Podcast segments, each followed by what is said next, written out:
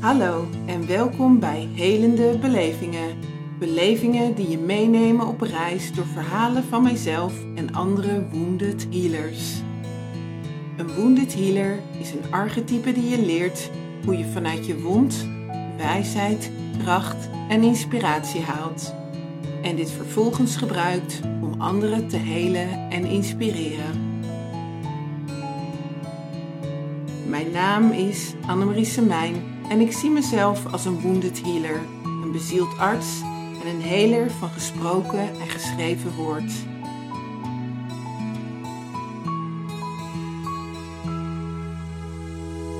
Luister naar deze verhalen en vind de gewonde heler in jezelf. Voor een mooiere, gezondere en levendige wereld. Reis je met ons mee?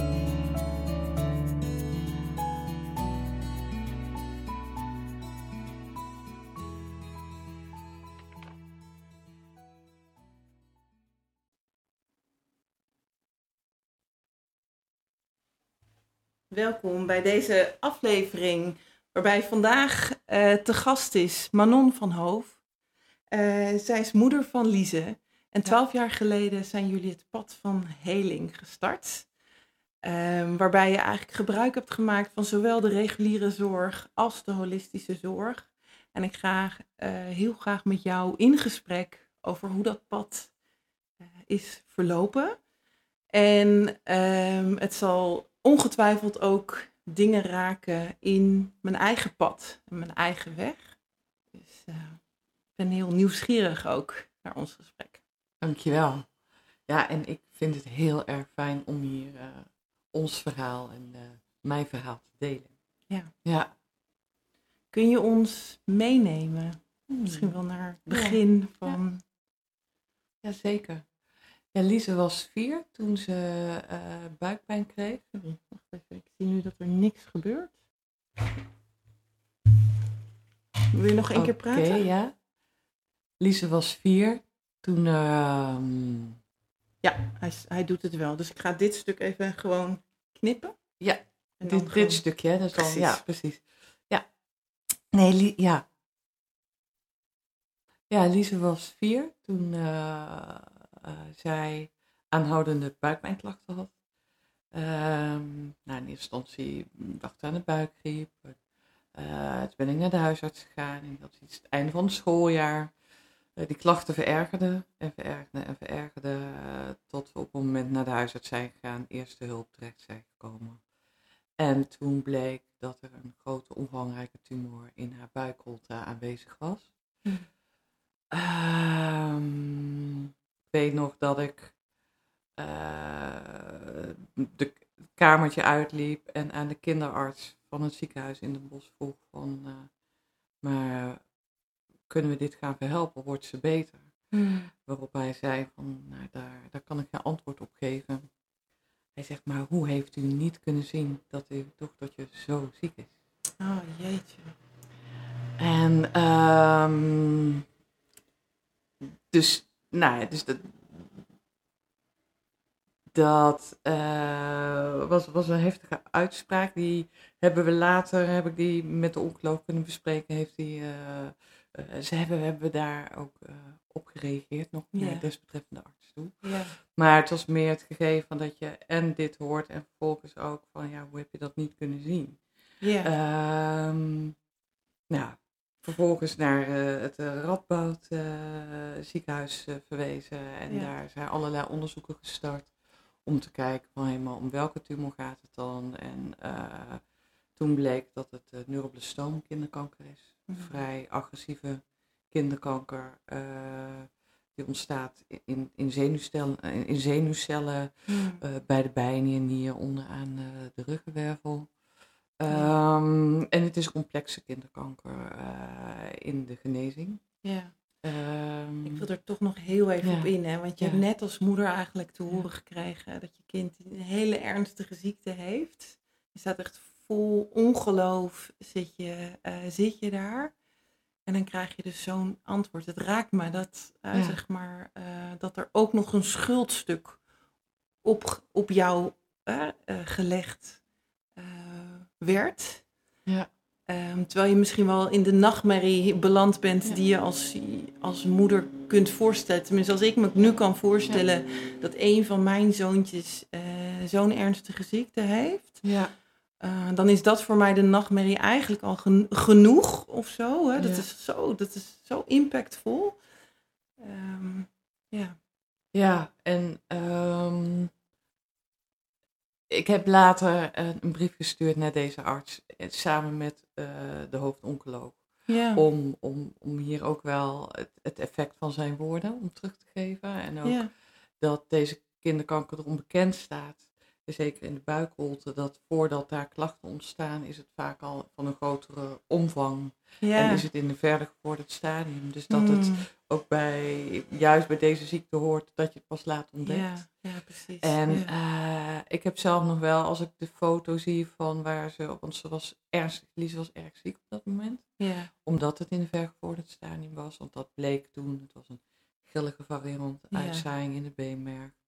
Ehm, maar ik weet ook dat ik maanden, ben ik er zo mee bezig geweest van, maar wat is er? Ben ik naar de huisarts gegaan van, dat ik zei, maar er moet iets zijn. Deze klachten zijn, zijn er niet voor niks. Van, Nee. eh, dus steeds werd ik gesust en werd het een beetje veralgemeniseerd. Ja. Ehm, dus ik weet dat ik, dat ik steeds alert ben geweest en voor de heb willen zorgen. En als ik nu de foto zie van het begin, Mm. ja, dan, dan zie ik ook een, een meisje wat gewoon heel erg ziek is. ja. En waar al veel van genomen is. En ze Mm. had al veel pijn. ja. En, maar dat, dat gaat in eerste instantie zo geleidelijk. En dan ineens komt er, ja, dan, dan, dat is ook met groei van, van kankercellen. Hè. Dus op een Ja. het, het vermenigvuldigt. ja. Dus ja, één worden er twee, maar zijn er miljoenen, dan worden er... Twee miljoen Dus- ineens. Ja, Ja, dus, dus, dus ja. die laatste weken is dat zo hard gegaan. En werd ze Mhm. ineens zichtbaar ook heel ziek. En daarvoor Ja. niet. ja.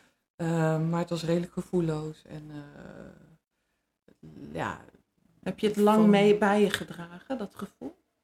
Eh, in dit eerste gesprek wat we hebben gevoerd met onze hoofdoncoloog, eigenlijk om te horen wat Lise nou voor ziekte had. Eh, en toen duidelijk werd dat het neuroblastome kinderkanker was, grillige variant met uitzaaiing in het beenmerg. Toen heb ik aangegeven wat de arts vertelde. Mhm. Van hoe heb je niet kunnen zien dat je kind zo ziek is. Eh, waarop hij heel boos werd en zei, nou ik ga hier een brief over schrijven, want Mm. wij, wij maken niet anders mee. Ja, precies. Dus ja. daarin, Ja. eh, zo van, Ja. en hij heeft letterlijk gezegd, voelt u zich niet schuldig alsjeblieft. ja, precies. En dat hielp ook. Ja. Ja, fijn. Ja, Ja. en ik had dat gevoel ook. Van, van ik heb, ja. Dus het, het raakte wel, maar tegelijkertijd ook, en op een hele kwetsbare vraag van, wordt ze beter? Ja, ja. Van, ja, dat weet ik niet, maar hoe heeft u niet kunnen zien Ja, dat? Dus dat precies. is Ja. getuigt meer van een arts die, nou, ehm, Misschien zelf ook graag gewild had dat het eerder, dat, hè, zeg maar, het kan natuurlijk ook een interne wens zijn geweest van, ja, hè, ik wilde zo graag dat jullie eerder hier waren, want dan had, hè, Ja. hadden we nog wat kunnen doen. En bijna van, oh, en nu zitten we met deze situatie en was nou eerder gekomen. Dat er een soort wens onder lag. ja, zou kunnen. Maar... Ja, Ja. het is gokken hoor, maar Ja. het is even, eh, even de gedachte van, eh, ja.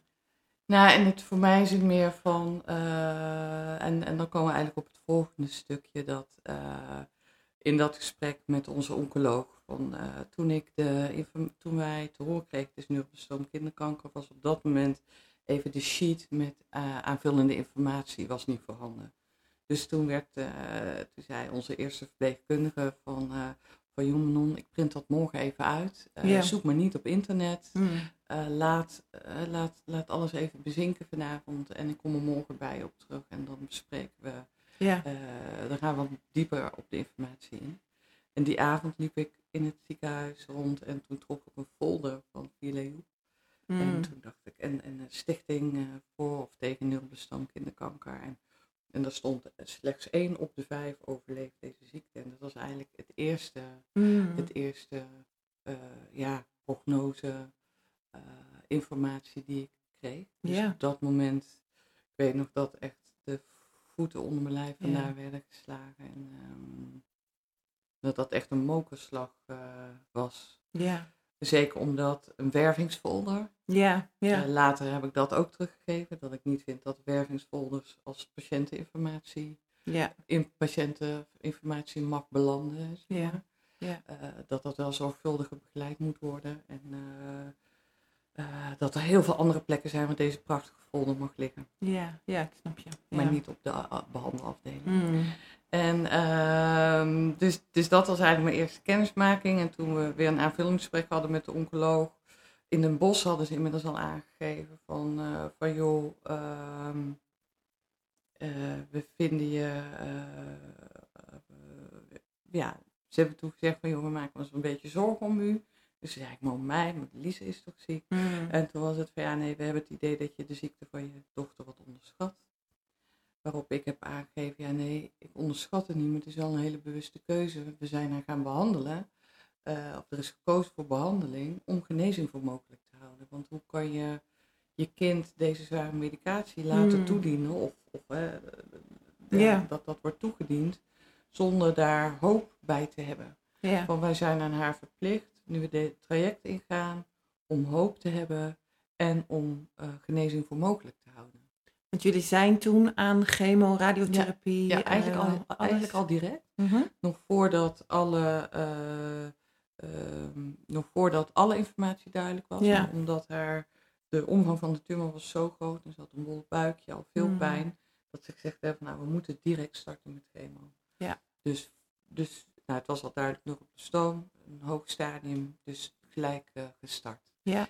En in het herstel van die eerste chemo belanden we als meebehandelend ziekenhuis, dus weer in Den Bosch. En daar Mm. werd dan de zorg naar mij toe uitgesproken. Ja. Eh, we hadden inmiddels een gesprek gehad met onze hoofdbehandelaar.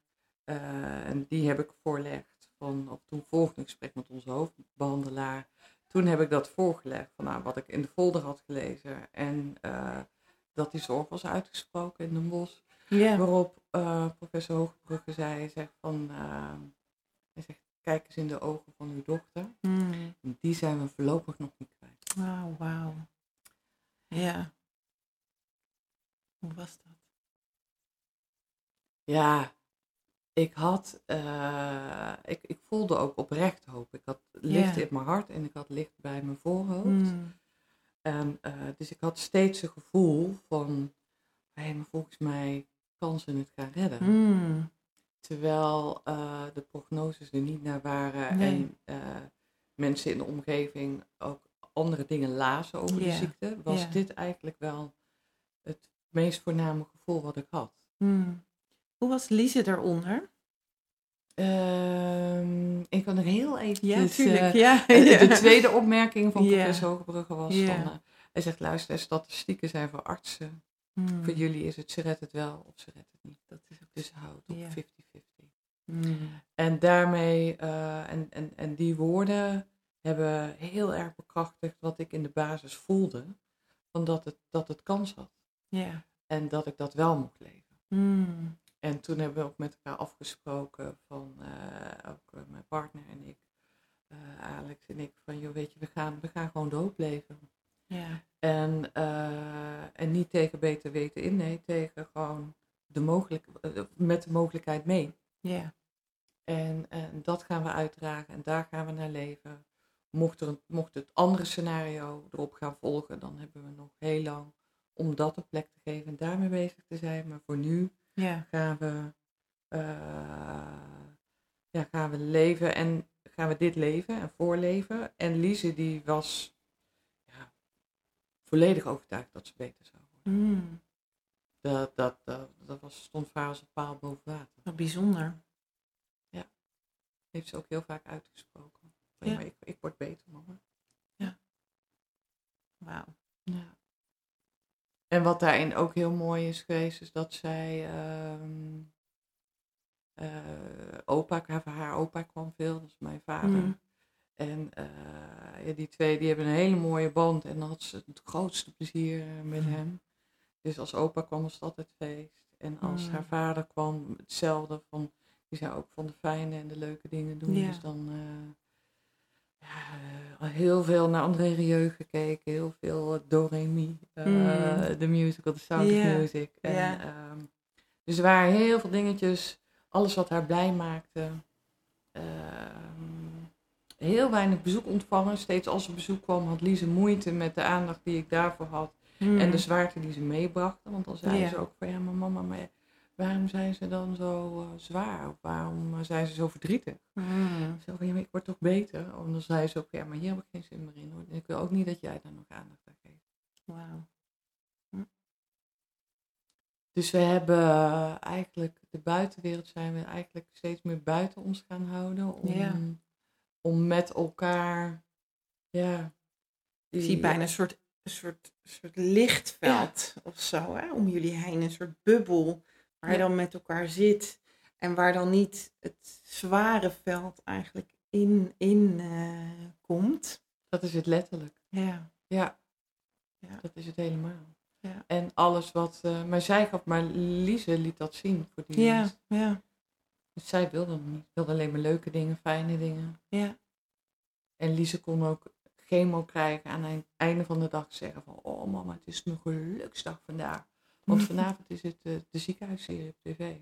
En dan Oh. zag ze kindjes die net als zij behandeld werden en die ook een kanjeketting hadden. En dan, eh, ja, dat vond ze prachtig. Dan, Mm. eh, ik denk, ja, hoe kan je spreken over een geluksdag, hè? Als Ja, ja, ja, maar toch ervaarde Ja. dat dus zo.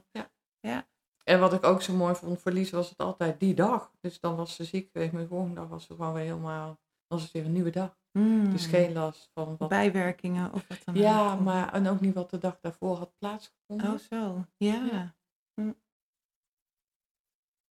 Ja. En in het begin toen, eh ja, tuurlijk, toen we de diagnose kregen de eerste weken, was ik heel erg van slag.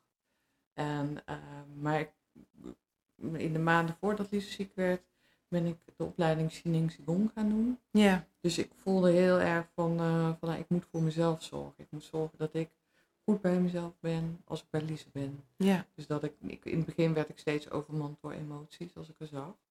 En eh, daar ageerde zij ook op. Ik dacht, nee, ik moet voor mezelf zorgen. En eh, ja, schoon, opgeschoond of in ieder geval vrij van tranen zijn wanneer ik met haar ben. Ja.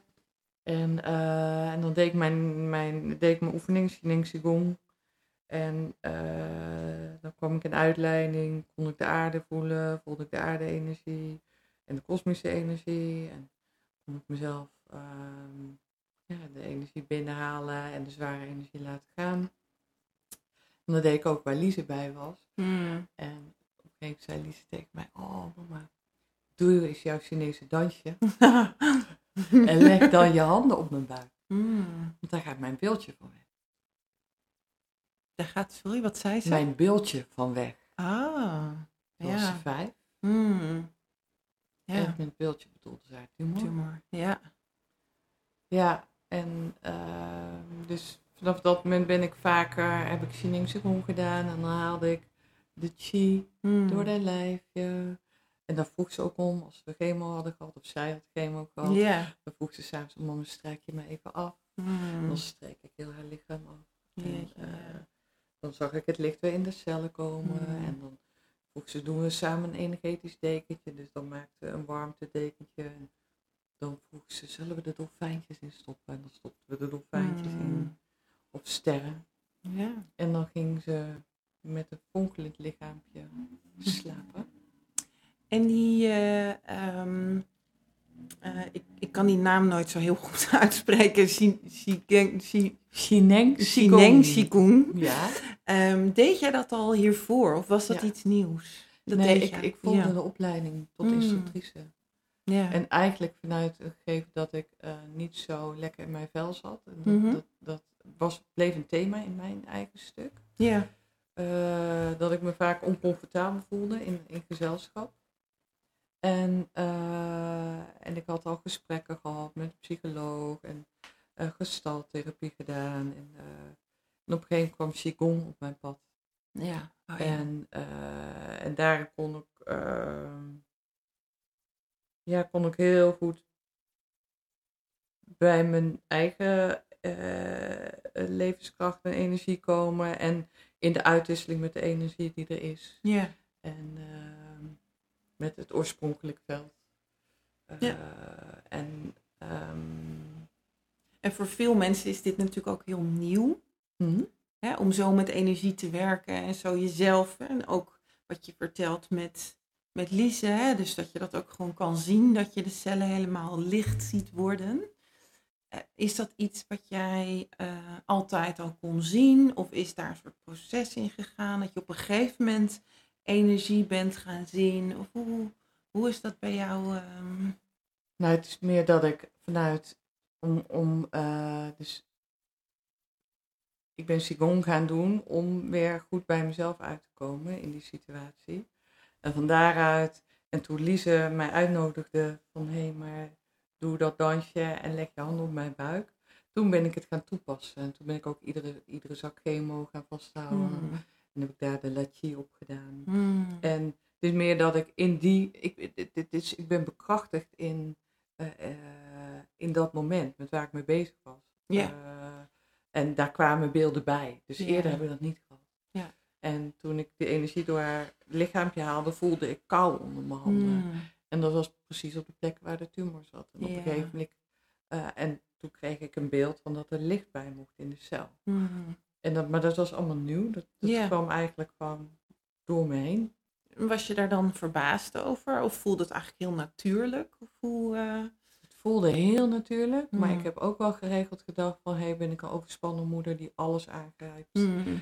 Eh, is het een vorm van overspannenheid? Hmm. En dat ik alles aanpak om mijn kind niet te verliezen?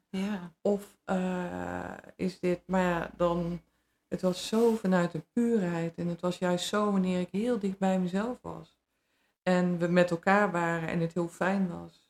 En, eh, en, en, en het ontwikkelde zich, dus het, Mm. het opende zich steeds meer. ja. Dus dat ik op een gegeven moment ook ben gaan vragen van oké, nou als er meer is tussen hemel en aarde, welke energie mag ik dan aanwenden? Hmm. En dan deed ik Qigong en dan kreeg ik de slagkracht van de zee te zien. Oh. En heel vaak de zon op de dauw. Dus het was eigenlijk, en ook de zon op de, de, de, de, de golven van de zee of het Mm. water, weet je, die ja, die vink, ja, die fonkelingen. Altijd ja. die fonkeling. Oh. Dus het was, dus dan kwam ik buiten en dan zag ik dauw Hmm. met die zon. En dat, dat, dat was steeds op mijn netvlies. En ik kreeg ook van ja, het licht mag weer in de cel. Dus toen ben ik daarop ging ik affirmaties op gaan doen. Ja. Alles terug naar de oorsprong, met licht in de cellen. En dan haalde ik dat weer door de heen. Hmm. Of ik zag de groeikracht van de, van de lente. Hmm. En dan kwam die kracht door me heen. En wat ik me toen, en toen kon ik voelen, wat ik eigenlijk, en dat is wel een gevoel wat ik al veel langer had, dat ik heel veel, veel verwantschap voelde met shamanisme. Hmm. En dat ik dacht van, hé, als er een vorig leven bestaat, dan ben ik indiaan geweest. Dat was Ja, voor mij precies. niet zo klaar als een klontje. Maar dus Qigong deed ik om zelf, mezelf, aan mezelf te kunnen werken en me Ja. beter in mijn lijf te voelen, omdat ik echt wel vaak angstig was. Ja. En toen Lise ziek werd, werd het een tool om en zelf in mijn vel te zitten en kon ik het Mm. gaan, kon ik het ook eh, gebruiken voor haar. Ja. Bijzonder. Heel bijzonder. Ja.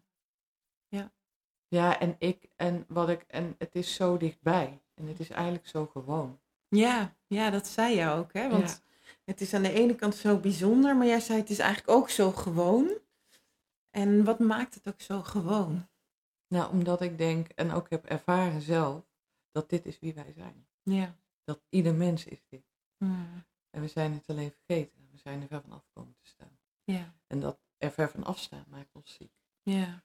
En we gaan de ziekte daar bestrijden. Maar eigenlijk is, in mijn beleving, zo heb ik het hele geneesproces ervaren, Ja. is dat wanneer, we, wanneer je weer dicht bij jezelf bent en je kan je, ja, die, die, die, die, die levensstroom die we hebben in verbinding met de aarde, maar doordat je dicht bij jezelf bent, in verbinding met je bekken en met de moeder aarde of met de aarde, begint die energie te stromen. En dat is levensenergie. En dat is helende energie. Ja. En dit is wat, wat vitaliseert. Ja. En dit is wat opent. Ja. En dit is wat eh genezende omstandigheden creëert. Ja. En dit is wat beter maakt. Ja. Of bijdraagt aan Ja. een betere omstandigheid. Ja. Ik moet heel erg denken, ik ben deze zomer kwamen er twee ehm, healers uit het regenwoud naar Amsterdam. En daar ben ik naartoe gegaan, naar een ceremonie. En ehm, zij vertelden ons dat, eh, nou, we gingen elkaar begroeten. En toen maakten ze daar natuurlijk een beetje een feestje van en een grapje van. van, nou, dat is veel te serieus. Hè, we moeten helemaal, ah, zo, Ikari, Ikari. Nou ja, ik ken hem niet eens meer, maar doordat het, het was A, een, een, een taal die we niet machtig waren, waardoor alle spellingsfouten, zeg maar, ik maakte allemaal fouten, waardoor we een beetje zenuwachtig werden. Maar alleen al dat begroeten gaf de grootste lol. En dat was, dat was dus precies de energie die we met z'n allen nodig hadden. En die man die het ook vertaalde, die zei: Ja, al jullie cellen gaan nu weer open, want we zitten plezier te maken en we hebben lol en we, we gaan de lichtheid van het leven weer proeven met elkaar. En dat vond ik heel bijzonder, want in het Westen zijn we toch altijd gewend dat heling zwaar moet zijn. Of in ieder geval het genezingsproces, dat klinkt altijd zwaar. En je moet naar je problemen toe. En um, nou ja, ergens is er een idee en een overtuiging dat het helingsproces uh, altijd gepaard gaat met zwaarte. En ik zeg, of ik ervaar nu ook steeds meer, dat er ook heel veel licht, dat het juist ook die lichtheid is. En um, dat het zware thema's kunnen zijn, net zoals wat ik eigenlijk jou ook hoor zeggen. Ik bedoel, uh, kinderkanker is denk ik wel een van de zwaarste thema's die ik in mijn leven zeg maar, kan voorstellen, om het zo maar te zeggen. En dan toch die lichtheid. Dat dat zo naast elkaar kan zijn. En dat jouw dochtertje dat zo bijna belichaamt van mama. Ik heb misschien wel de ergste ziekte even op aarde die je maar kan voorstellen. En kijk mij nou zijn. Hè? Een feestje bouwen met een dag dat ze chemotherapie heeft. Weet je, hoe licht wil je het hebben?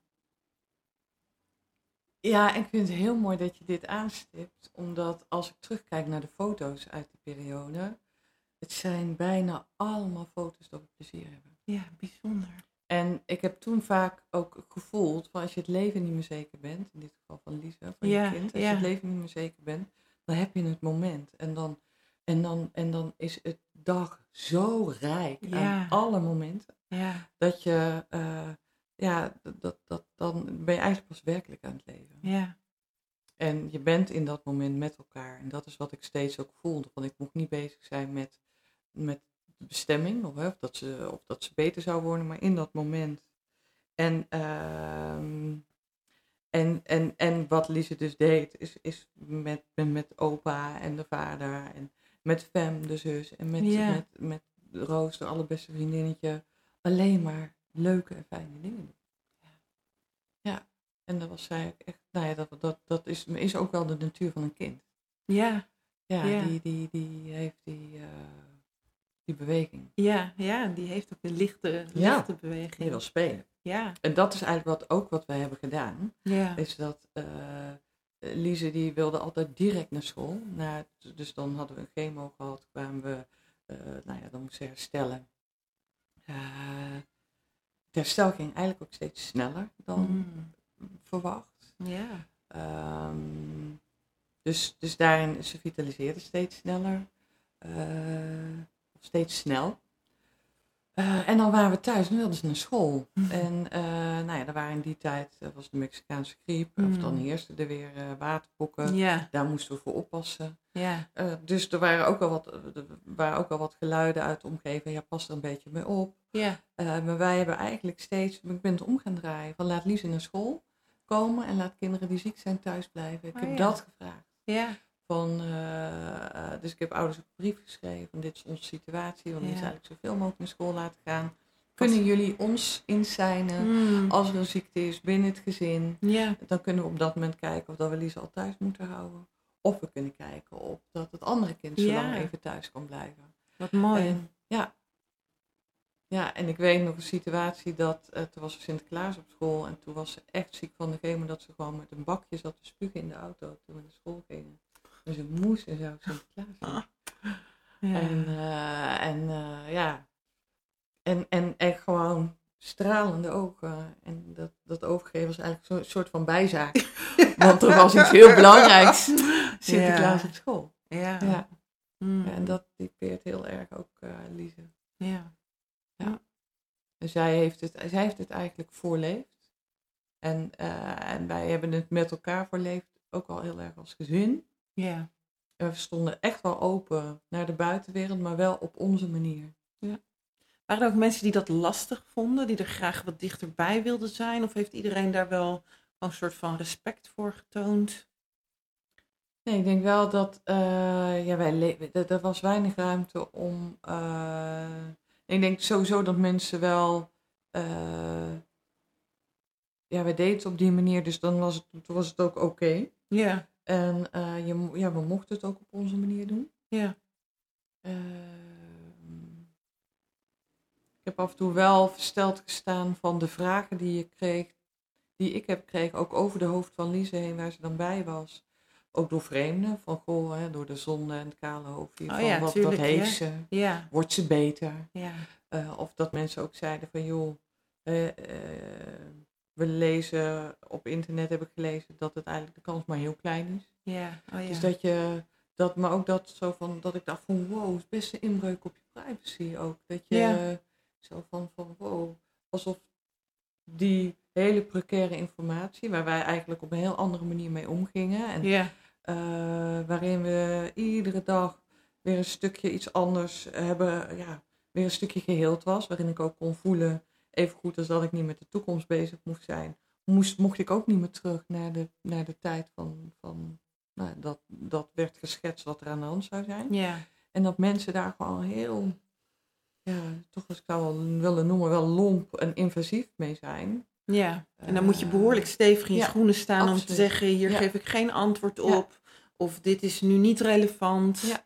Eh, lukte, lukte dat om, om zo bij jezelf te blijven? Ja. Maar dat was wel echt door da- voor mij, door dagelijks mijn Qigong te doen. Ja. ja. En, eh, en dat omdat we dat leefden. En, en dat leefden we iedere dag. En er kwam iedere dag weer een laagje van dat leven bij. ja. Dus ik heb dat later heb ik gezien van dat je die bubbel waar je net op hebt, Ja, dat je dat veld met elkaar bouwt en hoog houdt. En, eh, ik ben mensen op een gegeven moment wel gaan betrekken. Want toen kwam er een zware operatie aan. Van Mm. jongens, willen jullie voor je zien dat Lise 13, 14, Ja. 15 wordt? En dan zag ik voor me dat we dan naar de sauna Mm. zouden gaan. en Fijne dingen. En dat vriendje kregen. En ik ben mensen ook gaan vragen toen we die operatie ingingen. Van joh, willen jullie visualiseren hoe de resten van de tumor wordt weggehaald. Ja. En dat ze daar helemaal schoon uitkomt. Ach, ja. Wat mooi. En je had ook mensen in je omgeving die dat konden. Weet ik niet. Nee? Of je hebt Ja. gewoon, ja, ik bedoel, want sommige Ja. mensen zeggen, ik weet niet hoe dat moet. Ja, ja. Ja, die vinden dat lastig. Ik zeg weet ik niet, maar eigenlijk Mm. vergeet ik wel iets heel belangrijks. Dus dat de vriendin van mij al in een heel vroeg stadium eh, eh, vroeg, ten eerste een kaart heeft geschreven van alles komt goed. Dus toen wij die mokerslag van een prognose-diagnose kregen, was zij de eerste die eigenlijk een kaart schreef van alles komt goed. Met daarin Mm. een brief aan Lise als ze later beter zou zijn, hoe ze op deze periode terugkeek. Mm. Ja, dus en, en dat sloot zo, ook dat sloot zo aan bij wat ik in mijn hart voelde. ja. Maar zij vroeg ook van, en durf je naar de betekenis van ziekte te kijken? Dus durf je Ah. te kijken naar waarom ziekte zich laat zien? Ja. En wat daar, wat daar voor informatie in zit. Mm. Ja. Nou, en toen ben ik gaan kijken, waar het zit in de nieren, bijnier. En dat heeft verbandschap met angst. Nou, ik Ja. ken de angst, dus ik denk, hé, hey, Mm. er is dus iets wat ik mentaal had en wat bij Lise fysiek is. Dus ik ben eh, mijn mentale angsten meer gaan aankijken en mee gaan werken. En kon ook voelen hoe dat dan bij haar ook weer wat vrij gaf. Ja, bijzonder. Ik heb het daar dus ook vaker in de podcast over. Hè? Dat zei ik net ook al, over de betekenis van de klachten. En het durven kijken naar de betekenis van de klachten. Want er zit vaak ook wat schaamte, angst en schuldgevoel. En zeker, eh, ja, ik- ik bedoel, we wonen in Nederland. Eh, maar op het moment dat je eh, gaat kijken alleen al naar, hey, zit er een diepere laag op? Komen vaak, eh, nou zeker als jij als moeder ineens gaat zoeken naar, hey, ik heb iets mentaal wat bij Lise fysiek uit op schuld. Hè, heb ik dan schuld aan de kanker? En omdat daar die schuld zo duidelijk aanwezig is, durven heel veel mensen in ieder geval daar niet meer naartoe te bewegen. Van ja, maar ik heb geen schuld. Dit kan niet. Hè? Dit kan niet met elkaar samenhangen, want daar durf ik eigenlijk niet naartoe. Terwijl als je het met liefde gaat bekijken en met on- zonder oordeel gaat zeggen van stel, als dit ons gaat helpen? Of stel als ik dit gewoon wel mag onderzoeken zonder dat ik schuld heb. Want schuld is, bestaat eigenlijk helemaal niet. Ja. Het is een soort menselijk concept bedacht. Ehm, dan kun je inderdaad ineens patronen gaan zien die je eigenlijk iets heel graag uit liefde willen geven om een beter leven, een mens, eh, en bestaan te hebben. Heb jij ook schuld gevoeld? Kwam dat bij jou ook naar boven? Of, ehm, Eh, ik heb. ehm, want het is een. eh neoblastoom is een, een kankersoort, wat een embryonaal Hm. kankersoort. Dus het ontstaat al in de aanleg of in de aanleg daar. Eh, dus ik heb wel. Nee, ja. Ik heb me daar eigenlijk gek genoeg nooit schuldig om over gevoeld. Omdat ik altijd wel het gevoel heb gehad van ja. ja het is, het, is, het gebeurt. Van, het- Ja. en het gebeurt ja, niet zonder reden. Dat is dan. Maar het is meer, het is daar. ja, En in deze omstandigheid bevinden we nu. ja. Ik heb daar in ieder geval niet met bewustzijn iets in gedaan. Of iets moedwillig in gedaan. Het is gewoon, het openbaart zich hier nu. ja, Of dat het is. ja. Ja. En met die nieuwsgierigheid kon je ook naar Ja. je eigen stukken gewoon Absoluut. vanuit nieuwsgierigheid Ja. kijken, zonder dat dat dan meteen een, eh, een, een schuld Ja. betaamt, om het zo te zeggen. Ja. Nou, ik dacht meer van, van ik wil alles aankijken wat helpt. eh, wat, wat, wat helpt te genezen. Ja. Of wat ons helpt binnen de situatie. En al is het, al is het niet uiteindelijk de genezing, dan wel ja, dat, dat, dat, dat we helen voor wat voor nu voor mogelijk is. Ja. Ja, mooi.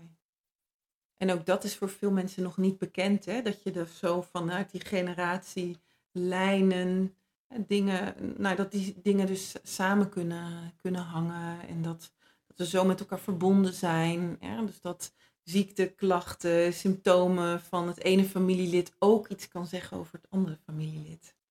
En ook eigenlijk een spiegel kan zijn als je in die spiegel wilt kijken. Ja, en ik heb wel uiteindelijk gezien hoe Lise daarin ja, tij heeft gekeerd. Van, van, van dat iets wat al lang in de lijn zat. En dat zij dat op een gegeven moment, ja, dat dat hier Omgeturnd. Ja. omgeturnd is. Ja. Ja.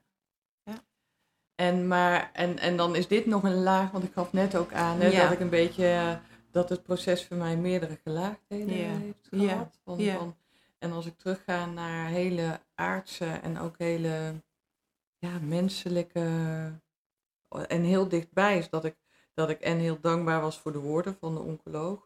Toen vervolgens die kaart kwam van, Ja. van een hele goede vriendin. Ehm, eh, ik denk wel dat wij alleen contact hebben gehad met mensen waarin we deze uitwisseling hadden. Mm. Eh, dus wat aansloot en dat je dan letterlijk ook weer even gevoed wordt als je uit het ziekenhuis bent. Ja. Eh, of bekrachtigd. En Ja. eh, van, oh, eh. Terwijl dat je ook, er was ook een deel mensen die zeiden van jeetje, wat ben je krachtig. En dat zou ik nooit kunnen in zo'n situatie. Mm. En ik denk, nee, dat werkt niet zo. Je weet pas hoe jij het draagt als die situatie er is. En kracht naar kruis. Je, je, er, er, er komen ongekende krachten los. Ja. En ik denk dat dat, en dat werkt bij iedereen. Als de Ja. noodzaak daar is, ja, dat geloof ik ook. ontstaat het er. Ja. En, eh, en ik heb wel last gehad van dat mensen hun angsten projecteren. Dus dat ik, Mhm. dat, dat ik wel merkte van hé, hey, en dat doet wat. Dat doet wat met ons veld. Ja. Ja. En met onze, eh, ja, met je. ehm, dus ik heb het wel eens vergeleken met dat je een bloempotje over een plant zet.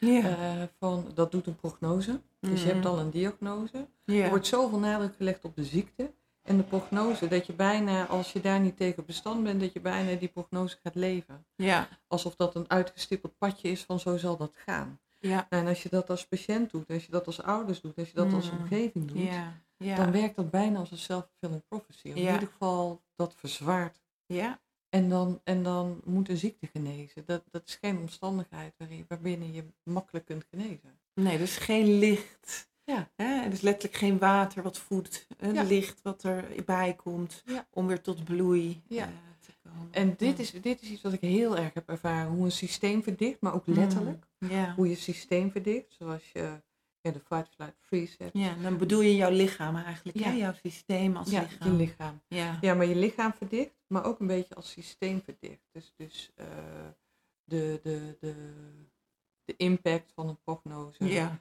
Oh ja. op, op, op je als gezin. ja. En, en op, op een straat. ja. En op een dorp. ja. En, en, Ja. en iedere keer komt daar een laag van zwaarte bij. Mm. Die voelbaar is. Ja.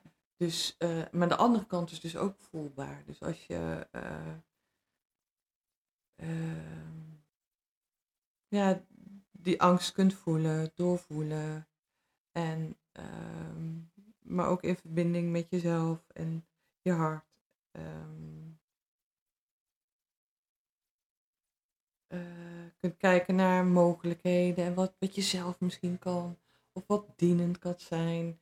En we hebben allemaal onze intuïtie en die is feilloos. Van, maar durf je daarnaar te luisteren? Dus Ja. in kleine stapjes. Van, Ja. hey, ik voel eigenlijk dat ik het zo zou willen. Ja. Nou, en daar dan gehoor aan geven. Want een, Ja.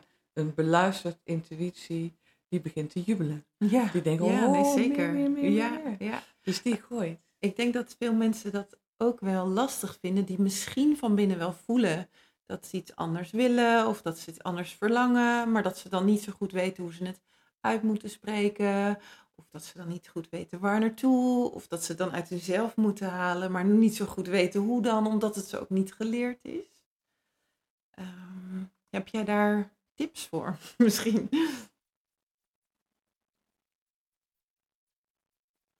Nou, wat ik, eh, als ik, eh, want het is mijn wens om, eh, het is mijn wens om wat wij hebben ervaren te, te, te delen met mensen in deze situatie. Of met ouders, met kinderen met kanker. Ja. Dus ook de reden waarom ik heel lang dat niet heb gedaan.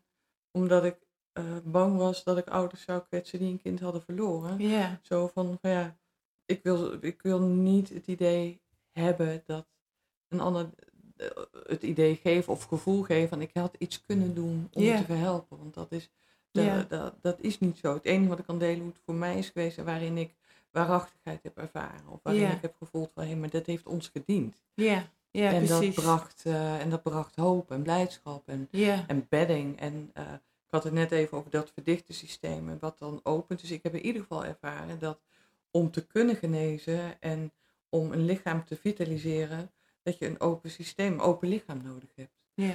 En, eh, en je hebt angst en liefde. Ja. Angst verdicht, liefde opent. Ja. Ja. Dus ik ben dicht bij liefde gebleven. Mm. En in, in dingen die fijn zijn. Dus we hebben ook een lijstje gemaakt. Wat is fijn? Ja. Nou, dat was André Rieu, Sneeuwwitje. En uh, dus alle dingen die wij fijn vonden. Maar ook uh, voor ieder op zich. Ieder gezinslid. Wat hebben we nodig? Ja. Uh, Lies oh nou, toen kon ze bijna niet meer eten. Maar die vond pizza zo lekker. Mm. Nou, dan gingen we met elkaar op bed zitten. En dan dekten we het tafeltje. En dan gingen we visualiseren. Dan zeiden we, nou, doen we net alsof we nu pizza aan het eten. Ja. En dan gingen we samen een alsof Mm. pizzaatje, de magische pizza eten. Wauw. Ja. En, en dan, ja, dan hadden we toch een beetje, haakten we weer aan, een beetje aan de ervaring zoals die er is wanneer we wel pizza eten. ja. Ja. En, uh, en dat, dat, dat, dus er waren heel veel kleine op, opliftende. ja. Ja. En dan breng je de sprankeling erin. ja. En dat voelt een lijf, dan gaan cellen Mm. weer uh, tintelen. Ja. En daar komt le letterlijk leven in. Ja. Nou, het doet me heel erg denken aan Bruce Lipton. Bruce. Lipton heeft het ook echt over, we zijn allemaal cellen met een bewustzijntje, allemaal soort van, alsof wij, eh, nou ja, weet ik veel hoeveel cellen, ik weet het dus niet, eh, mensjes. En dat die bang, eh, zeg maar gesloten systeem hebben letterlijk in de vecht- en vluchtreactie zitten. Of denken, hé, hey, het is hier veilig, we Ja. gaan open. Hè? We gaan ook toegang tot letterlijk voeding, maar ook energie en die gaan aan het werk. En op het moment dat je inderdaad ehm, veel meer liefde hebt in je omgeving, eh, gaan er ook steeds meer cellen open. Maar dat betekent ook dat er sommige cellen open gaan waar trauma zit. Dus voordat je helemaal liefde kan zijn, op het moment dat Ja. je liefde aanraakt, trilt er vaak ook nog wel wat, wat los. Nou, en dan, en, ehm, en dan weet ik niet zozeer of dat, dat bij mij, maar bij, of dat dat bij Lies gebeurde, want daar was natuurlijk die, die, die, die, die, ja, die ziekte, die dus, dus Ja. dan de gemanifesteerde Ja, dus vorm die- hiervan is. Hè? Ja, ja. Ehm, maar wat, eh, nou, ze zei, ze, voor haar was iedere dag dag en ze wilde alleen maar fijne dingen doen. ja. En wat ik net kon voelen, ook toen je dit zei, is van ja, eh, haar opa die eh daar altijd was. En die was er echt in liefde en deed alleen maar leuke dingen. De vader en alles was Mm. wel in liefde en zoveel mogelijk fijne dingen. Niet dat we het uit de weg gingen, want we hebben het ook aangekeken. En bijvoorbeeld ook zo mooi, pedagogisch medewerkster Lise wilde bepaalde dingen niet. Oké, van nou ja, dan respecteren we dat. Maar hoe kunnen we dan kijken wanneer je het wel wil? En dat ging over, over, ingrepen. Ja. Eh, eh, weer- weer de honderdste prik. eh, Mm. eh, alles. En toen zijn we op een gegeven moment al vrij vroeg met haar gaan kijken van oké, maar in, in welke omstandigheid vind je het wel goed? Ja. Nou, dat was dan in ieder geval dat, dat in ieder geval eerst het even werd verteld, dat ze rustig mocht gaan zitten op mijn schoot of eh, bij, eh, bij de vader. Eh, nou, dan was het dan tappen op haar beentje.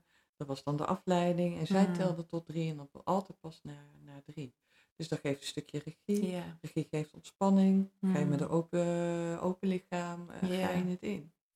Ja. En, en, en ik denk dus als een lichaam open en ontvankelijk is, dat de werking van de reguliere medicatie daar gewoon veel meer zijn werk doet. Ja. Plus dat de gezonde cellen, die zijn, die zijn in een eh, blije staat. Ja. En die, eh, dus die hebben veel minder impact, veel minder inslag Ja. van een chemo.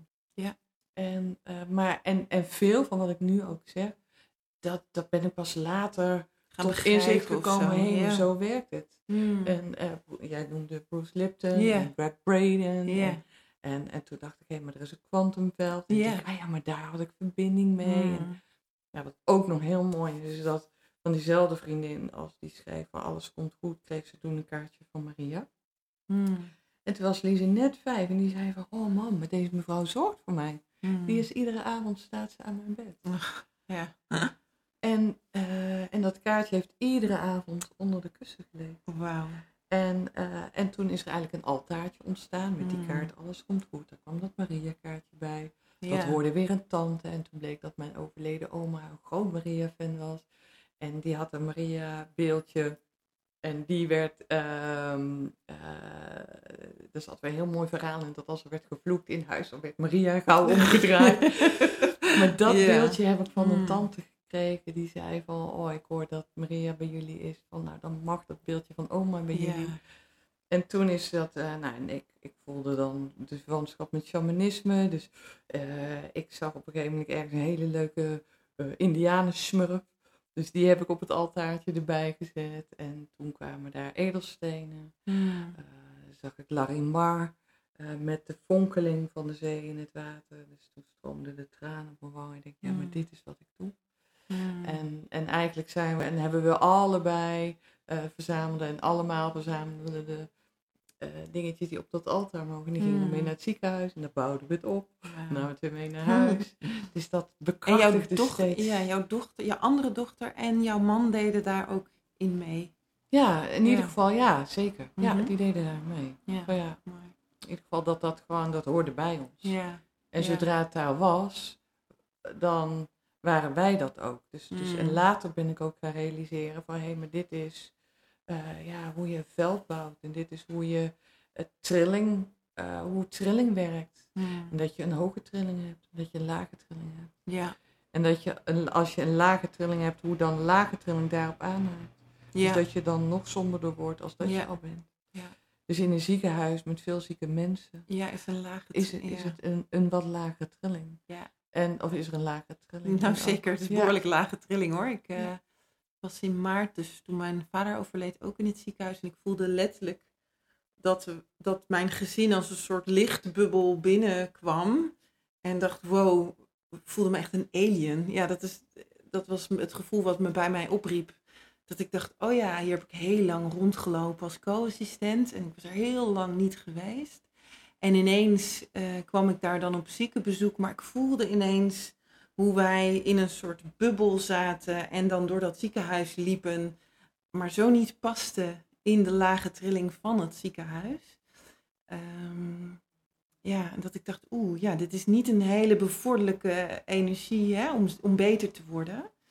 Nou, er zijn geloof ik veel mensen het over eens dat de natuur natuurlijk veel helender is. En nou, het ziekenhuis aan zich, vaak de lelijkste gebouwen, somberste gebouwen. De kamers zijn vaak heel kaal, hè, geen groen of eh, wat dan ook. Dus alles wat je, ja, waar ik voel dat dat helende kracht heeft, eh, heb ik niet echt gevonden in ziekenhuis. Zelfs de voeding is eh, nog, zeg maar, qua ja, energetisch is het echt heel laag. Ja. Ja, ja en wat ik. Op kinderafdelingen wordt er ja, vaak al iets meer ja, mee gedaan. Nee, klopt. Het, het Maxima Kinderoncologisch Centrum is, is, is prachtig gebouwd. Mm. Even goed, ik, ik was daar laatst om de, na twaalf jaar om de oncoloog te bedanken, Mm. onze hoofdbehandelaar, voor zijn twee, eh, voor mij, voor ons gouden opmerkingen. Ja. En ook om te kijken wat ik verder kon delen over Mm. onze zienswijze op in ieder geval wat je zelf kan doen. En dat is eigenlijk, en dat, weet je, dat, dat is fijn. Je bent niet willoos slachtoffer van je ziekte. Nee. Nee, ja, er is ziekte, oké, maar daarachter zit nog een heel mens. Ja. En je bent de ziekte niet. Nee. En, en daarachter zit nog een heel mens en een heel lichaam met heel veel weten en, en heel veel kunnen. Ja. En eh, dus toen ik in het Maxima was en ik daar zag, want ze hebben dan een, ehm, ja, een soort expositieruimte waarin ze laten zien van oké, dit is zo ziet de kankercel eruit, dit is wat er aan behandelingen mogelijk zijn en dit is dan hoe, eh, hoe chemo werkt en bestraling en alle soorten behandelingen. En dan kun je een soort experience center waar je dan als kind al vertrouwd kunt worden met, met wat je hebt en ook Ja. wat er voor interventies gaan komen. En toen ik dat de eerste keer zag, was ik heel verdrietig en nu weer. Mm. En het raakt me ook nu, Mm. omdat ik dacht, het gaat, alle interventies worden getoond. Ja. En de kracht van wie je zelf bent en wat je zelf kunt niet. En een kind is zo, die voelt nog, die is nog zo Puur. Ja. En die, ja. die herinnert zich dat zo snel. Mm. Dus laat, laat daar, laat in plaats van, ja oké, je laat de ziektecel zien, hè, maar laat dan ook zien, maar zo ziet de gezonde cel eruit. Ja. Dus misschien kun jij al heel veel aan dit celletje gaan denken. ja. En denken van, hé, hey, dit celletje wil ik weer in mijn lijf. Mm. Dus hoe kun je gaan helpen een kind te visualiseren, maar ook voor ouders? Ja. Hoe kan je kijken van, en wat kan je zelf? En wat werkt voor jou? Ja. Want voor mij was dat Qigong en shamanisme. Ja, het kan voor iemand anders. En voor anders is dat weer totaal iets anders. En dat vind ik heel belangrijk te benoemen. Want wat wij ook vaak doen, is dat je dan denkt, oh wacht, dan moet ik ook Qigong gaan doen, want dan krijg Ja. ik dezelfde ervaring als jij. Of shamanisme, en dat is niet zo. Nee. Maar wat werkt voor jou? Ja, daar En- geloof ik ook heel erg in. Ja. Ik noem het ook wel eens het vergeten weten. Eh, en, het, eh, en soms ook wel het vergeten weten wat verbrand is hè, tijdens de heksenvervolging. Eh, en dat daar heel veel kennis al was. Alleen dat dat toen dus letterlijk, ja, letterlijk aan kennis en wijsheid vuur in is gegooid. Maar dat dat nu weer terug mag komen. Ja. Dus het is nooit echt weg geweest. We zijn Ja. het alleen even, ver- even vergeten. En het mooie is, want Suzanne Smit heeft dat mooie boek geschreven, of meerdere boeken, en die is nu bezig met een monument.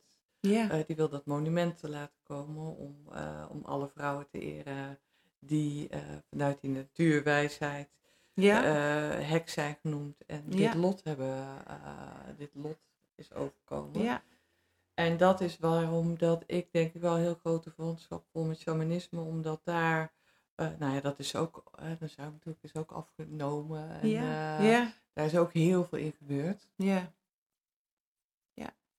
Nou ja, het is wel heel mooi, of heel mooi, maar ehm, ik zie best wel veel zorgprofessionals in mijn praktijk zelf. Dan coach ik ze en doe ik healings. En wat ik gewoon heel veel terughoor, is het niet durven uitspreken. Dat heb ik zelf ook ervaren. Bang voor de gevolgen.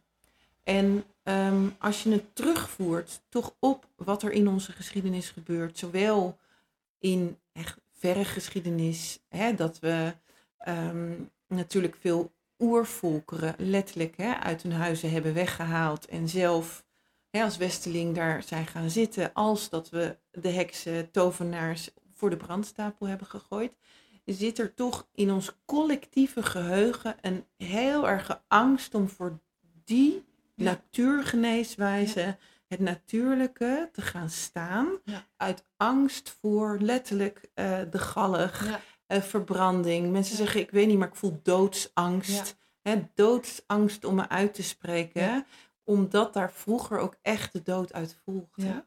En dat zit gewoon nog in ons geheugen. Ja, en dit is heel herkenbaar voor mij. Ja. Uh, maar wat voor, ja, en in aanloop naar.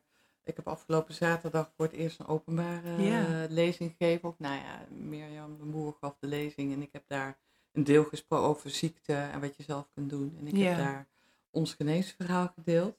Uh, en ik heb uh, de laatste maanden echt levens die hier verband mee hadden Hmm. uh, aangekeken, gezien en getransformeerd. En, Ja. um, en nou ja, onderschat de invloed van de kerk hier ook niet Ja, in. nee, zeker. Ja. Uh, de, de, ja, er is zoveel, de er is zoveel in onze geschiedenis. Ja, Ja, het is- ja. Het, is, alles wat niet geleefd mocht worden en dat geleefd werd ja.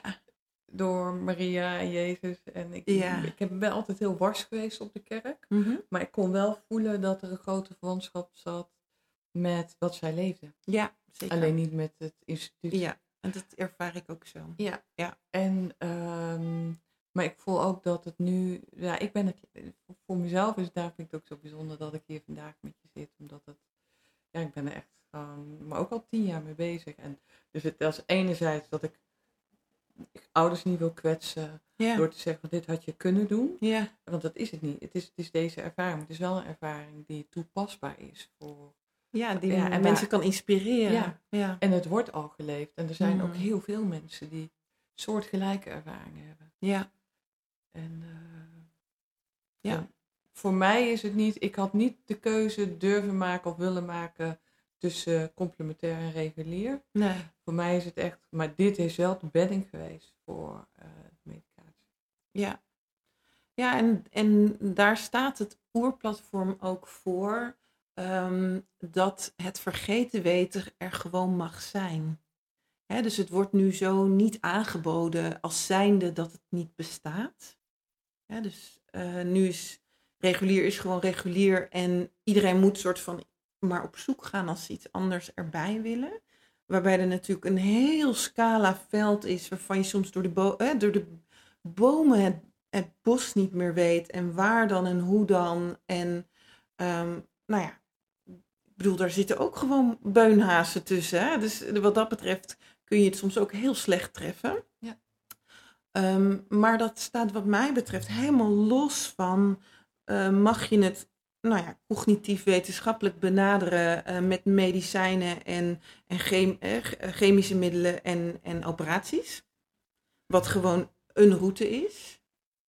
En mag je het ook intuïtief benaderen vanuit je buik, vanuit je bekken, vanuit de natuur, vanuit je hart. En voelen, is deze chemo voor mij of niet? En misschien zeg je bij de ene chemo, zegt je lijf, ja, hè, dit is mijn chemo. En bij het andere, je lijf, nee, doe die maar niet. En dat we daar weer bij komen. Hè, en dat het echt, echt ze kunnen zeggen voor honderdduizend mensen van nou, dit is de beste combinatie. Maar misschien is voor jou wel de beste combinatie om eentje even er niet in te nemen. Omdat jouw lijf die wijsheid heeft en zegt, die niet. Die hoop ik mensen weer te, te inspireren dat dat mogelijk is. Hè? Dus dat je lijf echt, echt, echt weet wat goed is voor jou en wat niet, als je durft te luisteren. Daar geloof ik heilig in. Daarom ben ik dit ook gestart eh, met de podcast en mijn platform. Om die kennis en wijsheid weer gewoon te activeren. Ja, en mijn droom is om, uh, ja, ik vind het fantastisch, daarom zit ik ook, want dit is, ja, dit is mijn verhaal. Ja. Ik zou het alleen, wat ik, ik zat net te denken, denk ja, voor mezelf zou ik dat kunnen invoelen, uh, of voor het invoelen voor mijn kind. Op dat moment, ja, of op dat moment Ja. was ik, mm, nee, er was niet de vraag of dat ik chemo's achterwege kon laten. Want wat ik ook merkte, ik wilde in die tijd Floradix geven, tussen de chemo's in. Uh, om aan te sterken, Ja. ijzer en vitamine. Ja. Nou, dat, daar moest ik voor tekenen en dan, daar, dat, dat werd geadviseerd niet te doen. Evenals Mm. Schember toen, voor de misselijkheid. Ja. Dat werd ook gezegd, doe maar niet, want we weten niet wat voor effect het heeft op, uh, op het behandelprotocol. Ja. En dan moet je tekenen, dus ik moest gewoon echt tekenen. Mm. Van dat ik dus zelf het risico neem Ja. voor het effect van de behandeling. Ja. En als dat over jouw kind gaat, is dat ook nog eens wel een heel ander gegeven dan wanneer het ook mezelf Ja, zou dat gaan. snap En ik voor mezelf voelen. Ja, dat snap Dus, dus, dus niet Ja. behandelen of geen reguliere Nee. behandeling is toen, was toen sowieso, Nee, eh dat is geen afweging geweest voor dat mij. snap ik. Ja. En, ehm, eh, Het was ook een voorbeeld ja, meer. Hè, om, om te voelen van. Maar hetzelfde geldt inderdaad van iets toevoegen. Ja, dus, dus, dus gewoon het.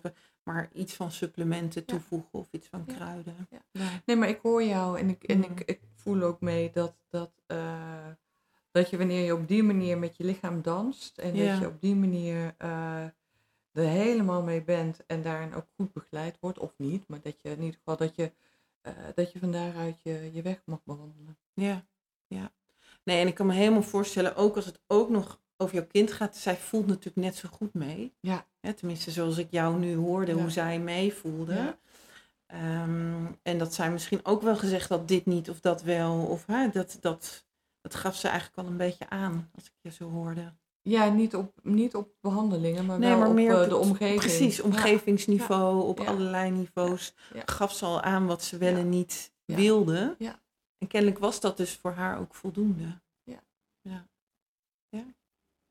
Ja, en als ik kijk van eh, wat verder ook nog heel dienend voor ons is geweest, is dat vrij aan het begin van het proces, we kregen een eerste verpleegkundige toegewezen. Mhm. En eigenlijk twee eerste verpleegkundigen en er waren twee mannen. En Lise, voor Lise was dat helemaal fantastisch, want die was echt gewoon, eh, ja, daar kon ze mee lezen en schrijven. Dus dat was heel fijn. Ja, Weet je, dus, dus dan heb je, dan is ook een stuk veiligheid borgen, van in ieder geval één aanspreekpersoon, waar ik alles tegen kan zeggen en Ja. die eh, mij helpt door deze hele fase heen. ja. Eh, dus dat hadden ze heel mooi gedaan. En die gaf toen aan, eh, die zei van, joh luister, eh, jullie komen nu net in, deze, in het ziekenhuis en net in deze situatie. Kun jullie eigenlijk het advies geven om, om vooral met jezelf bezig te zijn. En niet gelijk alle lotgenoten op te zoeken. En ook Mm. een beetje op te passen met het verbinden met lotgenoten. Hij zegt, want hij zegt van ja, weet je, je hebt al een stevig eigen verhaal en dan krijg je er allemaal verhalen bij. Ja. Eh, dat vond ik, eh, ja, daar heb ik toen echt wel naar geluisterd en ons echt op ons gericht. ja. Terwijl dat ik eigenlijk daarvoor en nog wel heel sociaal ben en makkelijk aanhaak eh, bij de ander of op de ander. En, maar ik heb toen heel bewust gekozen, nee, dit gaat nu om ons. Mm. En, en eh, ja, want daar, daar is dat verhaal en daar is dat verhaal. Ja, je verliest, ik, Ja. ik voel een beetje een soort energielek of zo. Hè? Of dat je jouw energie gaat geven aan andere, anderen, terwijl je eigenlijk voldoende te, te brengen hebt of, of te, hè, te behouden hebt. In je eigen verhaal heb je al jouw Helemaal. energie en je aandacht nodig. Ja. Helemaal, maar je ziet zoveel gezinnen met elkaar meeleven en bij elkaar. En, tuurlijk, Ja. en ik vind het zo logisch, maar het vervloeit makkelijk zo met elkaar. En dan ga je in het leed Ja. en het versterkt het leed. Ja. Of, eh, ja, dat voel ik ook. ja, of je voelt... Letterlijk een beetje zo een grote grijze brei worden of zo. Hè? Waardoor je niet meer voelt van wat is nou van ons Ja. en wat is nou van die ander. Ja. Ja. En een ander iets wat ik, waar ik ook heel blij mee ben geweest, is dat, eh, weet je, ook in het begin kwam op een gegeven moment co-assistent en wij werken allebei. eh, ik was toen filmproducer en inmiddels maak ik films of probeer ik films te maken, wil ik ook op dit onderwerp gaan Ja. doen. Ja. Eh, en, ehm, en mijn partner ook, die, eh, die, die zit ook in, in werk in beeld. En Ja. dus die co-assistent die kwam binnen en hij zegt oh, ik weet dat jullie allebei zo beeldend zijn. Maar hebben jullie de scans al gezien? Nou, we hadden al wel vernomen dat tumor van de omvang was zoals we hem daar nog niet hadden gezien. Mm. En eigenlijk, en toen heb ik gezegd van, nee, we weten genoeg. Eh, we willen hem niet op ons netvlies. Nee, precies. Intuïtief. Ja. En achteraf dacht ik van, ik weet niet. Als ik die beelden had gezien, Ja. of dat ik, of dat ik had Mm. kunnen leven en voorleven wat we hebben gedaan. Mm. Of dat ik dan het voor mogelijk had gehouden. Ja, precies, omdat je als zag hoe zo- groot het ja, was. Als ik dat letterlijk had gezien. Mm. Heb je hem later wel gezien? dan? Nee, ook niet, nooit oh meer. Nee, gewoon niet. niet. Nee. Nee. Ja, soms zijn er van die, van die dingen die dan zo echt letterlijk in je netvlies blijven hangen, Ja. die, die dan helemaal overnemen. Dus, Ja. dat, dus ik ben heel Mm. blij geweest dat ik het niet op mijn netvlies heb Ja. gehad. Ja. Dat, eh, eh, dat het bij een verbeelding bleef en woorden door anderen. ja, maar het is niet echt in, het is in jouw hoofd nog steeds niet echt. Ja, dat Ja, klinkt even het is heel niet tastbaar. Niet tastbaar geweest. Ook al heb Ja. je Lise wel gezien, Ja. hè, kon je het wel weer vloeibaarder houden. het is nooit die massa Ja, ja, oh, bijzonder. Dus, dus, dus, dus dat zijn allemaal, voor mij zijn dat allemaal kapstokjes waarin ik, waaraan ik nu kan hangen. Hé, maar dat heeft allemaal bijgedragen aan, aan het kunnen leven van hoop. Ja. En het, eh, Wanneer is Lise ja, als genezen verklaard? Of hoe is dat einde voor jullie eh, geweest? Nee, dat, dat, is, dat is mooi. We hebben eh, het geluk gehad dat we. eh, en dat was ook zo mooi, want ik heb eigenlijk nooit op internet gekeken. Mhm. Eigenlijk ook vanuit diezelfde eerste verpleegkundige zei ook van kijk niet op internet. Hè, want je komt alleen maar slechte verhalen Mhm. tegen. Want dat, ehm, eh, dat voedt niet en dat dient niet. Dus dat, dat, allemaal, dat zijn zulke kleine, Ja, uh, nee, klein zijn eigenlijk hele grote Mhm. parels. ja. Ehm, en ehm, wacht even. Ja, dus wanneer weten we dat ze beter is geworden? Ehm, waar wilde ik eigenlijk naartoe? Ik ben het even kwijt, sorry. Geeft niks. Ja, vroeg wanneer weet je dat ze beter was? Ja, en toen vertelde ik dat we bijna niet online hebben. Ik heb bijna niks opgezocht. Als op een gegeven moment kwam er iets op voeding, van voeding op mijn pad. Dat Ja. minder suiker, dat suiker de kankercel voedt. Eh, dus dat eh, ook minder suiker voor chemo, dat dat maakt dat de kankercel verzwakter is. Want die, Hmm. die voed je. Ja. En dat een eigen lichaamcel sterker is. Dus toen dacht ik, hé, hey, dus daar heb ik wel een beetje mee, ben ik wel een beetje op gaan letten. ja. Want Lisa had toen een pluslijst, want ze moesten aankomen. En Oh dat ja. was echt alleen maar Snickers. Ja, eh, weet je, echt ja, gewoon, eh, ja. De zonder voeding, zit veel suikers in. Mm. Maar goed, dat is ook Ja. allemaal pas later. Op dat moment hebben we daar wel gewoon eh vol eh, aan meegedaan. Ehm, ehm, ik heb toen gezien, dus over de voeding, en ik zag immunotherapie voor neuroblastoom in Californië. Hmm. Dus toen ben ik met die informatie naar onze hoofdbehandelaar gegaan en zeg van, hey, is daar nog iets mogelijk? Omdat Lise dan stadium 4 had en dat het een ziekte is die wel vaak terugkomt. Hmm. Uh, en toen zei hij van, ja, dat wordt wel de toekomst, immunotherapie. Hij zegt, maar dit is nu fase 1. Hij zegt, dat gaat nog wel tien jaar duren voordat dat in Nederland beschikbaar komt. Uh, en nou, een paar maanden later zitten we in de quarantaine van de stamceltransplantatie. En toen kwam de hoofdbehandelaar binnen en hij zegt, ik moet met u praten. Dus ik schrok in eerste instantie. Ja, ja, snap ik. Ja, en uh, want ik ben echt een heilig boontje geweest. Want er zijn ook heel veel momenten geweest dat ik ook echt even bang was Ja. en twijfelde. En, Ja. uh, uh, maar dus hij wilde praten, dus ik schrok en toen zei hij, nee, nee, het is goed. Hij zegt ja, we hebben nu in Zuid-Amerika dat ze het onderzoek hebben opgeschaald. En dat, er, uh, dat we uh, kinderen die in dit deel van het behandelingstraject zitten kunnen insturen. Hmm. Dus ik mag Lise gaan indienen uh, om te kijken dat ze mee mag in de trial in Amerika. En willen jullie dat? Maar we hebben nog maar 40 dagen, want we moesten binnen 100 dagen naar stamceltransplantatie. En, Ja. uh, of in ieder geval, we zaten op dag 60. Ja, oh. Uh, dus, uh, of, of andersom, ik weet dat niet meer helemaal precies. Maar in ieder geval, er zat een kort tijdbestek aan voor alles wat nog geregeld moest worden. Uh, nou ja, en hij heeft ingediend. Toen bleek dat ze uh, geschikt was. Hmm. En, en zijn we naar Amerika gegaan. Heeft de verzekeringsmaatschappij ook. Er is één meisje voor ons gegaan. Dat heeft de verzekering betaald. Dus toen was voor ons ook, werd die behandeling ook goed. Hmm. Maar wat ik zo mooi vond, was dat eigenlijk die twee dingen, voeding en immunotherapie, dat dat het enige was. En dat ik daar achteraan ben gegaan. En eerst bleek het niet mogelijk te zijn. Dus er is, we hebben gewoon ook heel veel geluk gehad. Ja, ja. En, uh, en alles, dus heel veel is ook samengevallen. Ja. En, uh, dus, dus we hebben een heel deel geluk gehad. En er is een deel geluk wat je kunt aanwenden, een deel ook totaal niet. Maar uh, immunotherapie mogen volgen. Toen we daarvan terugkwamen in Amerika hielden ze twee jaar aan. Dus toen we daarvan terugkwamen was Lise, hoe ze dat dan zo mooi heet, in remissie. Ja. Um, thuis voelde ik van, nou ja, toen ik thuis kwam, eh, en wat ik eh, steeds vaker deed, was dat ik me afstemde met boven van zijn er woorden die door wilden komen. En toen kwam er door van je hoeft alleen nog maar de angst te laten gaan. Mm. En uh, kon ik voelen dat ze beter zou blijven. En dat is ook zo gebleven. En in Nederland werd dat vijf jaar termijn. Ja, ja. Ja. En daar zitten jullie nu... Uh... Nou ja, daar zijn we al lang voorbij. Ja. Want uh, Ja, is inmiddels precies. 18. Ja, En Ja. dus na vijf jaar hebben we een heel groot feest gegeven. ja. in de tuin van mijn ouders. Dat is de plek waar we nu zijn gaan wonen. En ehm heeft Femke alle vriendjes en vriendinnen uitgenodigd en Lise. En hebben we gevierd eh, Ja.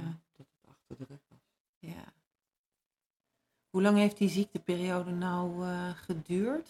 Van diagnose tot aan, Ja, zeg maar... eh, ja dus, dus eh, ik noem het eh, genezingsperiode. Ja, hè? Ja, Ja, ja. dat is. Het is En, mooi eh, hoe ik dat dan ja. toch nog Ja, zo benoem. ja, en ja. Dat, dat heb ik in die tijd, had ik dat Ja. al steeds. Zo van, Ja. oh, we moeten de kracht van woorden. En dat, Ja. dat er al beterschap in een woord zit. ja, ja, En, of een- ja, in ieder geval een, een, een openend deel of een verdichtend ja, deel. nou ja, mooi dat je dat Ja. ook weer terugspiegelt. Want zo zie je ook weer hoe het ook in mij verweven is. Hè? Ja, Die dus- woorden. Ja, snap Ja. ik helemaal. Maar Ja. dat is dus, dus, eh, dus ik ben daar een soort wel van eh profeet in Ja, geworden. nou, eh, De genezingsperiode, hoe lang heeft die genezingsperiode geduurd? eh, nou ja, de, de, de feitelijke behandelingen anderhalf tot twee jaar. Ja, En eh, nou ja, daarna krijg je dan, ja, en dat was, eh, da- nou ja, en daarna eh, de, de, de latere periode, de latere poli.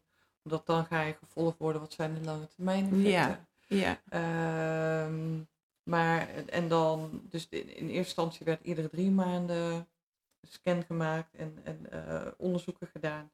Maar daarin hebben we eigenlijk ook al heel snel met onze hoofdbehandelaar, die zei van, joh luister,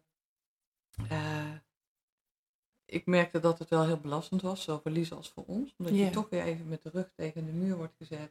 En dat wel weer even direct linkte aan dat allereerste begin. Mm. Dat je niet wetend bent en een ander jou dat komt vertellen. Dus dat plaatste ons even terug in een stukje herbeleving.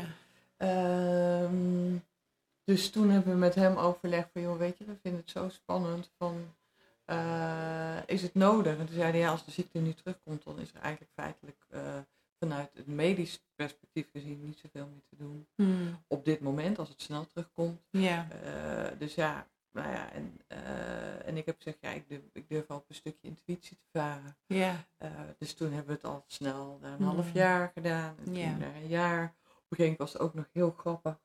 Had ik een urinepotje, maar daar, Lisa had een diversbeestje gevangen. Dus ik heb dat in dat urinepotje gedaan. En de dag voordat we naar het ziekenhuis gingen, dat lieveheersbeestje eruit gedaan. Urine opgevangen en teruggegeven en afgegeven. En toen kregen we een alarmerend telefoontje dat er waarde, afwijkende waardes waren gevonden. Was het bij of niet? dus waarop ik, eh, zo, eh, dus, dus, ik, dus toen zei hij van ja, heb je een steriel potje gebruikt? Ik zeg, nee, Oh. we hebben een lieveheersbeestje erin. Dus hij moest ontzettend lachen. Nou, laten we het onderzoek dan maar eens opnieuw doen. En toen bleek er niks aan de Nee, ja, ach, ja, ja. Maar ja, even goed, in die momenten gonst alle angst weer net zo goed door je lijf.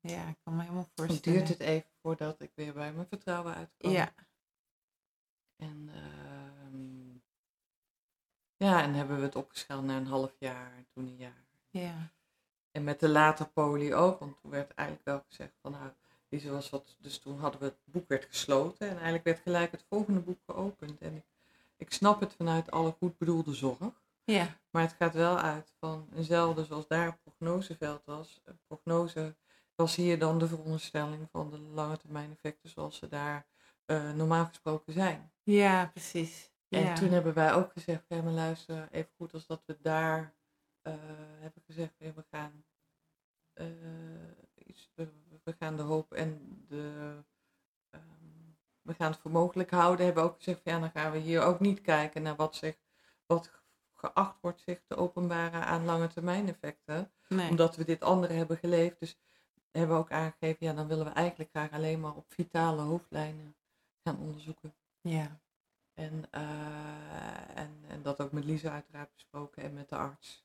ja, Zo van, van ja, anders ga je naar een bijsluiter en ga je alles wat in die bijsluiter zit, ga je steeds maar checken of dat dat aan de orde is. Ja, en dat is ook weer, toch ook weer, het doet ook weer iets met Ja. je lichaam. Ja, en je blijft Ja. bezig met, met dat ziektebeeld. Ja. Je blijft bezig met alles wat daarmee verbonden is. Ja, terwijl eigenlijk wil je het, als je het energetisch kijkt, wil je op een gegeven moment daarvan afscheid nemen en het ook echt letterlijk hè, van je af. Eh, want anders blijf je hem zo verbonden. Maar En toen we dat gesprek hadden, eh, want dat was toen een vervangend oncoloog, en die zei van oké, weet je, nou goed, het is, het is klaar nu. ja. Maar eh, we willen nu gaan onderzoeken. En Lisa, de auto, die was zo verdrietig. Die zei, Mm. nee, maar ik ben toch klaar nu? Ja, en hoezo. Ja. moet ik dan weer prikjes? En wat voor onderzoeken? En wat kan ik nog meer mankeren dan? Dus je, je legt ook naar een kind toe. Ja. Iets afsluit, wordt er eigenlijk weer een Nieuw deur hoofdstuk. opengezet naar iets wat potentieel kan gaan blijken. Mm. Maar dat kan je, ja, hoe kun je dat relativeren als ouder en als kind al helemaal? Ja. Nou ja, ik vraag me dan ook altijd af van meten we het om het meten? En zijn er dan ook nog oplossingen, zeg maar?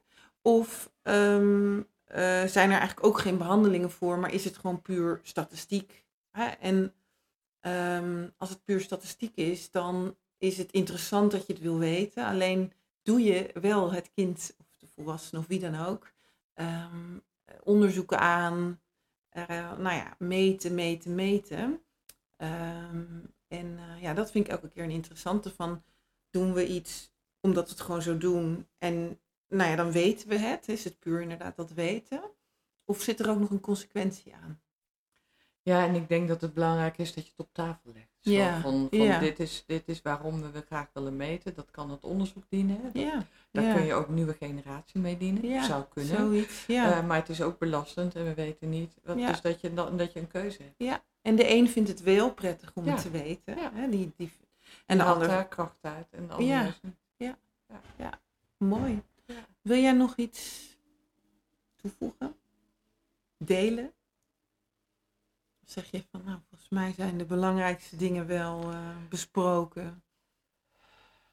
Ja, wat ik, waar ik mee af wil sluiten is dat, ehm, dat op een gegeven ogenblik eh, dat Lise zei van, toen was ze 7, 8. Toen zei ze, oh mama, we moeten pamfletten gaan maken en die op alle bomen hangen. Om mensen te laten weten dat als je denkt dat je beter wordt, of dat je denkt dat je geneest, als je kunt, dat je, wanneer je denkt dat je beter wordt, dat je ook beter wordt. Mm. En in diezelfde tijd zei ze ook, en mama, het is jouw liefde geweest. Ach, ja. En je, hebt, je, je, bent, eh, en je, hebt, je bent niet bang geweest. Mm. En, ehm, en ik denk dat we, en dat zijn we met elkaar, dat hebben we als gezin gedaan. Ja. Ehm, maar zo mooi dat, dat, dat, dat, dat, eh, ja, dat een kind dat zo. Ja, ze heeft de gedachtekracht en de kracht van liefde heeft ze eigenlijk eh, gevoeld en beleefd en ook lichamelijk nu eh, ja, ervaren. Ze heeft het zelf gedaan. Ja, wauw. Dankjewel. Ja, dankjewel voor je mooie, krachtige en ook wel bijzondere verhaal. En dat je dat met me wilde delen. Dat de tijd rijp was ook. Ja? Waarin het ook een gevoelig onderwerp is. Ik heb dus ook nog wat voor je geschreven. ik ben heel benieuwd. En soms vergeet ik weer wat ik geschreven heb. Ehm, maar hier komt hij. Hij is voor jou. Mag ik je kussen? Jij mooie vrouw, mag ik je zachtjes aaien over je wang? Je bent zo onbeschrijfelijk mooi. Precies zoals ik je bedoeld heb, volg je je hart. Doe je wat klopt, vanuit je bekken omhoog. Ja, jij bent een meesterstuk. Sprakeloos ademloos mag en kan ik naar je kijken. Hoe jij je hier voortbeweegt op aarde. Zoals het mag, kan en wil gaan, zo ga je. Het gaat je goed.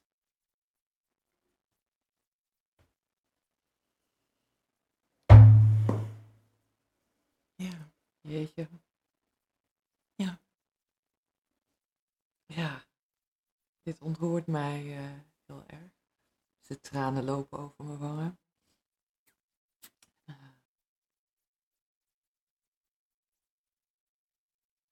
Ja, I'm in awe. Ja, dankjewel. Ja, dank jou. Ja. Dank jou ook heel erg wel. Ja. Ook voor dit grote cadeau. Om dit zo eh, te mogen doen. te Ja. mogen ontvangen van jou. Mhm. Van het leven. Van het leven, Van ja. het leven. Ja, ja en ik, ik, ik, ik voel ook zo'n eh, diepe kracht en zo'n groot hart om dit eh, ja, mee de wereld in te zetten. En eh, daar een lichtend voorbeeld in te zijn. Ja. En het lichtend voorbeeld wat in ieder aanwezig is. Ja. Je hoeft het alleen maar te herinneren en het is heel fijn. En het enige wat je nodig hebt is dat iemand even dat sprankeltje laat zien. Of een van de sprankeltjes wat je herkent in jezelf. ja, Want we zijn het allemaal. prachtig. Dankjewel. En hiermee sluiten we deze aflevering in ieder geval af.